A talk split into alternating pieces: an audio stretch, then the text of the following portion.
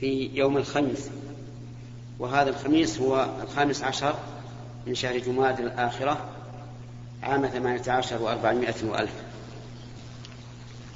آه، نبتدئ كما كنا نفعل بتفسير ما انتهينا إليه من سورة النجم في قوله تبارك وتعالى إن هو إلا وحي يوحى علمه شديد القوى. يعني ما القرآن العظيم إلا وحي يوحيه الله عز وجل إلى محمد صلى الله عليه وعلى آله وسلم وذلك بواسطة جبريل الأمين الذي وصفه الله تعالى في هذه الآية بقوله شديد القوى ذو مرة. شديد القوى يعني أنه قوي. والمرة الهيئة الحسنة الهيئة الحسنة فهو ذو قوة وذو جمال وحسن. وقد رآه النبي صلى الله عليه وعلى آله وسلم على صورته التي خلق عليها له ستمائة جناح قد سد الأفق. فهو الذي نزل بهذا القرآن وهو أمين وهو قوي حتى ألقاه على رسول الله صلى الله عليه وسلم كما قال تعالى نزل به الروح الأمين على قلبك لتكون من المنذرين بلسان عربي مبين. وقول فاستوى أي فعل أو فكمل لأن الاستواء في اللغة العربية تارة يذكر مطلقا دون أن يقيد. فيكون معناه الكمال. ومنه قوله تعالى ولما بلغ أشده واستوى آتيناه حكما وعلما. أي كمل. وتارة يقيد بعلى فيكون معناه العلو كما في قوله تعالى وجعل لكم من الفلك والأنعام ما تركبون لتستووا على ظهوره ثم تذكروا نعمة ربكم إذا استويتم عليه. فقال لتستووا على ظهوره وقال إذا استويتم عليه أي علو أي علوتم عليه ومنه قوله تعالى فيما وصف به نفسه الرحمن على العرش استوى أي على عليه عز وجل. العلو الخاص بالعرش وهذا غير العلو المطلق على جميع المخلوقات. وتارة يتعدى بإلى يقال استوى إلى كذا. فيفسر بأنه القصد والانتهاء. ومنه قوله تعالى ثم استوى إلى السماء وهي دخان وتارة يقيد بالواو. فيكون معناه التساوي. مثل قولهم استوى الماء والخشبة أي ساواها فقوله هنا فاستوى يحتمل أن المعنى استوى على لأن جبريل ينزل من السماء فيلقي الوحي على النبي صلى الله عليه وعلى آله وسلم ثم يصعد إلى السماء. ويحتمل المعنى كمل ويكون كامل القوة كامل الهيئة كامل من كل وجه مما يليق بالمخلوقات. وهو في الأفق الأعلى أي جبريل عليه الصلاة والسلام بالأفق الأعلى أي الأرفع وهو أفق السماء. ثم دنا فتدلى دنا من النبي صلى الله عليه وسلم فتدلى أي قرب من فوق. فكان أي جبريل من النبي صلى الله عليه وسلم قاب قوسين أو أدنى. وهذا مثل يضرب للقرب. قاب قوسين يعني قريبا جدا بل أدنى. فقوله أو أدنى بمعنى بل أي بل هو أدنى من ذلك. فأوحى أي جبريل إلى عبده ما أوحى. أي إلى عبد الله. فالضمير في أوحى يعود على جبريل والضمير في عبده يعود إلى الله عز وجل. أي أوحى جبريل إلى عبد الله ما أوحى ولم يبين ما أوحى به تعظيما له لأن الإبهام يأتي مرادا به التفخيم والتعظيم. ومنه قوله تعالى فغشيهم من اليم ما غشيهم أي غشيهم شيء عظيم. هنا أوحى إلى عبده ما أوحى أي من الشيء العظيم ولا كلام أعظم من القرآن الكريم لأنه كلام الله عز وجل. ثم قال تعالى ما كذب الفؤاد ما رأى ونظرا لضيق الوقت نؤجل الكلام عليها في الدرس القادم إن شاء الله ونبدأ بالأسئلة. من اليمين ها؟ الأخ عندك سؤال؟ أي. طيب تفضل. سمعت الشيخ.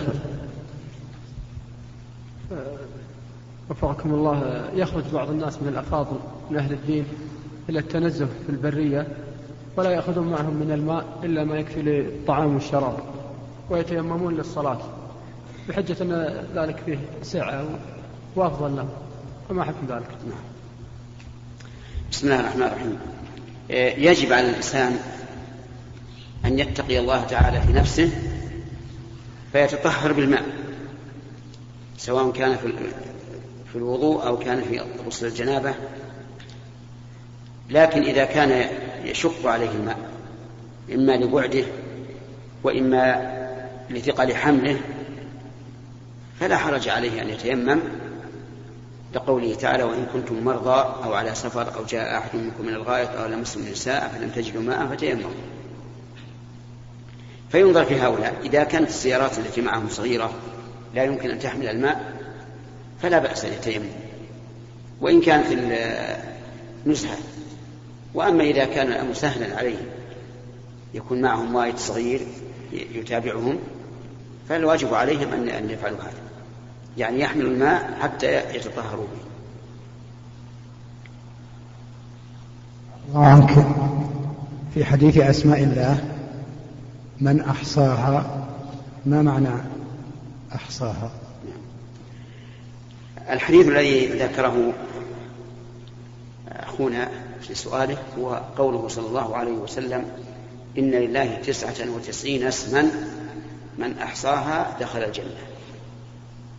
ومعنى أحصاها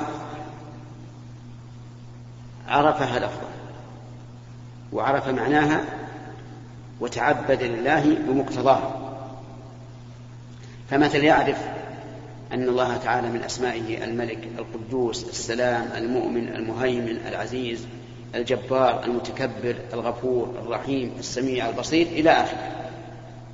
فيعرف الاسم ويعرف أيضا معنى الاسم. ويثبته لله عز وجل. فالسميع يعني معناه أنه المتصل بالسمع فهو سميع ويسمع. الثالث أن يتعبد لله بمقتضاه.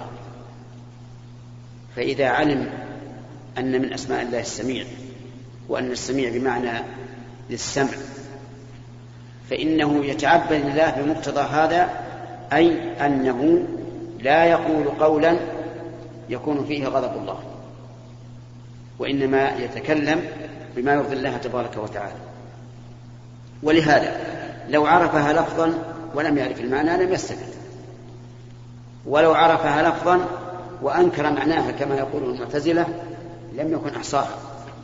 ولو عرفها لفظا ومعنى ولكن لم يتعبد الله بمقتضاها فإنه ليس محسنا لها.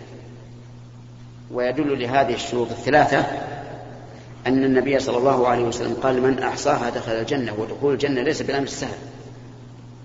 فلا بد أن يكون هذا الإحصاء متضمنا لهذه الأمور الثلاثة. الأول معرفة الاسم والثاني معرفة معناه والثالث العمل بمقتضاه. نعم.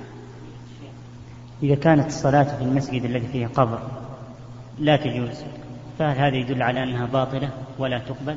نعم. وما وهل هناك دليل يعني على بطلانها إذا كانت باطلة؟ نعم. أولا المسجد الذي فيه القبر ينظر هل المسجد مبني على القبر أو أو إنه سابق ودفن فيه الميت. فأما الأول فالصلاة فيه لا تصح. ذلك لأنه مكان يحرم المكث فيه ولا يصح. وأي إنسان يصلي في بقعة محرمة عليه لا سيما فيما يتعلق بالعبادة لأن القبر لأن المسجد المبني على القبر يؤدي إلى تعظيم صاحب القبر. فسدا لوسائل الشرك نقول هي حرام والمصلي آثم ولا تصح صلاته. والدليل قوله صلى الله عليه وسلم من عمل عملا ليس عليه أمرنا فهو رد. والصلاة في المساجد المبنية على القبور منهي عنها بلا شك.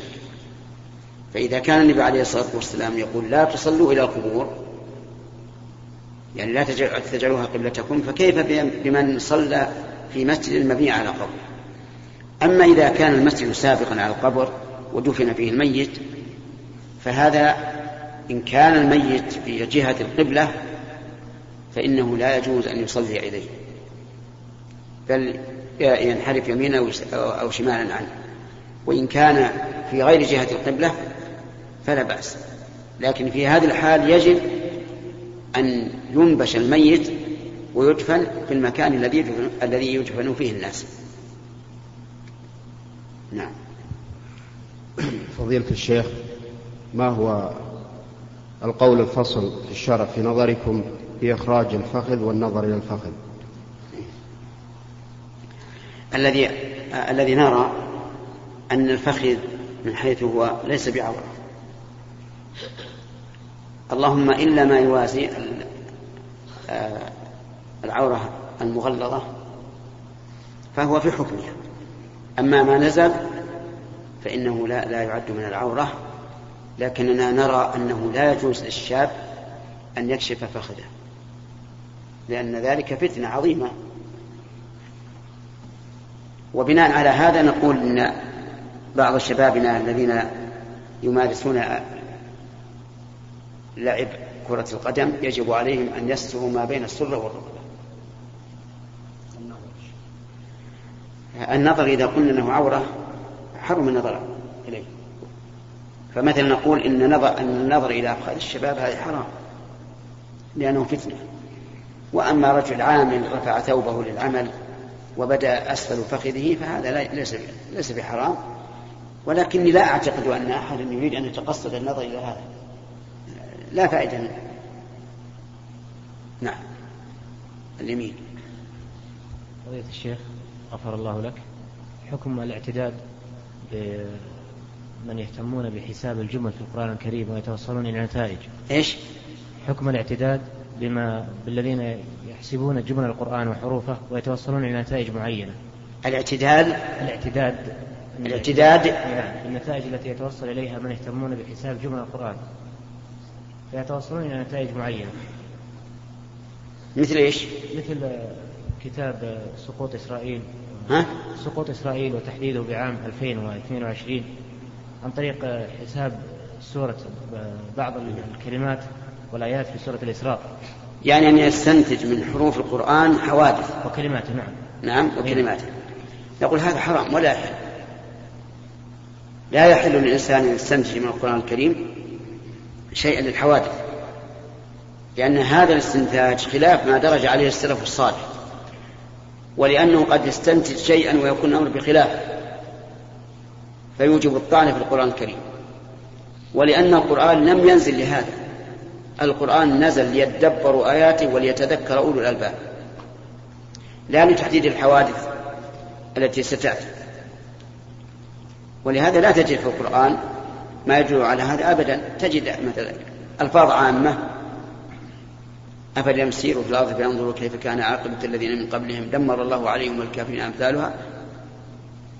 وأما أن نستنبط من حاميم عين سين قاف كذا وكذا من من الأحداث فهذا لا يحل ولا يجوز. لكن السؤال يا شيخ الآن في بعض الكتب مثل الكتاب الذي ذكرت يقول أنه حسب في سورة الكهف أم حسبت أن أصحاب الكهف والرقيم؟ إلى قوله ثلاثمائة سنين وازدادوا تسعة. يقول فوجدت الكلمات ثلاثمائة وتسعة كلمات وتسع كلمات. فهو يعني يستخدم هذه الطريقة لحساب لا كما قلت لك هذا غير مراد بلا شك. لأن الله تكلم بالقرآن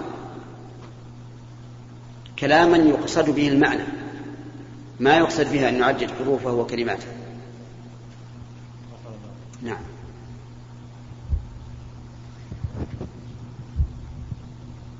فضيلة الشيخ حفظكم الله.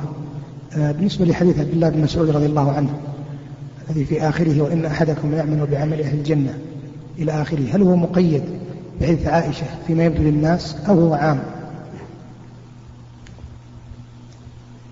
الحديث إن أحدكم لا يعمل بعمل أهل الجنة حتى ما يكون بينه وبينها إلا ذراع ليس معناه أنه يصل بعمله إلى هذا المكان. بل المعنى حتى ما يكون بينه وبين الموت إلا ذراع. والعمل هذا فيما يبدو للناس فيكون قلبه والعياذ بالله منطويا على الخبث. لكنه أمام الناس يعمل وكأنه من أولياء الله. فيجب أن يقيد هذا بذلك. نعم.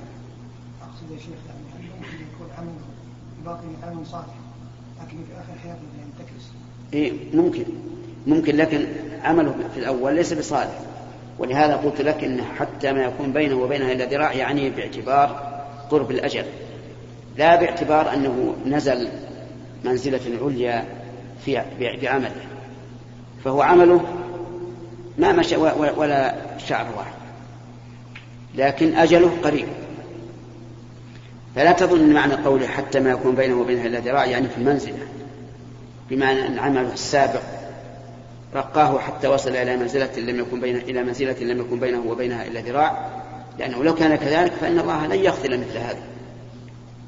بل لكن المعنى أنه لم يبق بينه وبينها إلا ذراع يعني قرب الأجل. واضح؟ فضيلة الشيخ نعم. ما تقول في شباب من الشرقية أرادوا دعوة الرافضة؟ إيش؟ أرادوا دعوة الرافضة؟ نعم. فساروا على سرهم. ها؟ فساروا على نهجهم. هل ترى شيخ هجرهم أو دعوتهم؟ مناصحتهم مقصود. أرادوا دعوة الرافضة؟ يعني أرادوا أن يدعوا الرافضة إلى السنة؟ كيف يريدون أن يدعوهم إلى السنة وهم يسلكون مسلكهم؟ يعني أرادوا أنهم ما أرادوا طبعا في, البداية أنهم يسلكون منهجهم ولكن بعد ما يعني ساروا معهم فترة آه، بدلوا دينهم بدين الرافضة. يعني صاروا من الرافضة؟ إي نعم حتى أن منهم من يقول آه، أنا أعتقد في بركة الحسين ومنهم من يقول لو أتاني رجل أرضاه لابنتي لزوجته إيش؟ لو أتاني رجل أرضاه لابنتي لزوجته زوج من؟ رافض آه. على كل حال هؤلاء لا شك أنهم انتكسوا والعياذ بالله حيث استبدلوا الذي هو أدنى بالذي هو خير فعليهم أن يتوبوا إلى الله وأن يعودوا إلى رشدهم. ونحن نشهد أن الحسين بن علي بن أبي طالب رضي الله عنه هو وأخوه الحسن كلاهما سيد الشباب أهل الجنة. ونعترف له بفضله ونقول إن ما جرى عليه فإنه محنة من الله عز وجل ولكنه صبر واحتسب حتى نال درجة الصابرين. ولكن لا يجوز إطلاقا أن ينتقل الإنسان من الطريقة السلفية السنية إلى طريقة مبتدعة حادثة مخالفة لمذهب أهل السنة لمذهب أهل السنة. هؤلاء إذا استمروا على ما هم عليه بعد مناصحتهم يجب هجرهم. نعم. فضيلة الشيخ إذا كان شخص يؤدي راتبة المغرب ثم دخل آخر فرآه يؤدي الراتبة ودخل معه على أنه على أنها فريضة فصافه فهل يشرع له أو وهل يجهر بالقراءة الإمام وهل تكون القراءة جهره بالقراءة مشروع والجماعة مشروعة وهي سنة راتبة؟ أما على رأي من يرى أنه لا يجوز أن يصلي المتنفل بالمفترض فإنه لا يحل له أن يدخل معه لأنه لو دخل معه فصلاته غير صحيحة. وأما على القول الراجح أنه يجوز أن يكون الإمام متنفلا والمأموم مفترضا فلا بأس أن يدخل معه. وحينئذ يجهر بالقراءة من أجل أن يحصل على السنة بالنسبة لأخيه الذي دخل معه. وإن أسر فلا حرج. نعم. فضيلة الشيخ هل للمسلم أن يدعو على أخيه المسلم بالهلاك أو عدم التوفيق وذلك لنزاع بينهما؟ نعم. أما إذا كان هذا النزاع شديدا بحيث يصل إلى القدح القدح بصاحبه في دينه مثلا أو عرضه أو ما أشبه ذلك فلا بأس أن يدعو عليه بدعاء غليظ كما فعل سعد بن أبي وقاص رضي الله عنه. بالرجل الذي الذي سبه عند عمر بن الخطاب رضي الله عنه. فإن الله فإنه دعا أن يعمي الله بصره وأن يطيل عمره وأن يعرضه للفتن والعياذ بالله. وأما إذا كان أمرا يسيرا فلا يدعو عليه إلا بمقدار مظلمته فقط. فضيلة الشيخ حفظكم الله. هل سماع الأشرطة العلمية تغني يغني عن سماع الأشرطة الدروس العلمية تغني عن الرحلة في الطلب؟ لا تغني عن استماع الأشرطة لا يغني عن الرحلة في الطلب. الرحلة في الطلب أفضل لأن الطالب يجلس إلى العالم ويتلقى منه مباشرة ثم إنه ربما يحصل إشكال أو مراجعة فلا يحصل عليه في فيما إذا استمع إلى الأشرطة. لكن لا شك أنه إذا استمع إلى الأشرطة سيستفيد فهي خير من من الترك. فهي يعني الأشرطة خير من الترك. لكن إذا ارتحل في طلب العلم فهو أفضل وأنفع.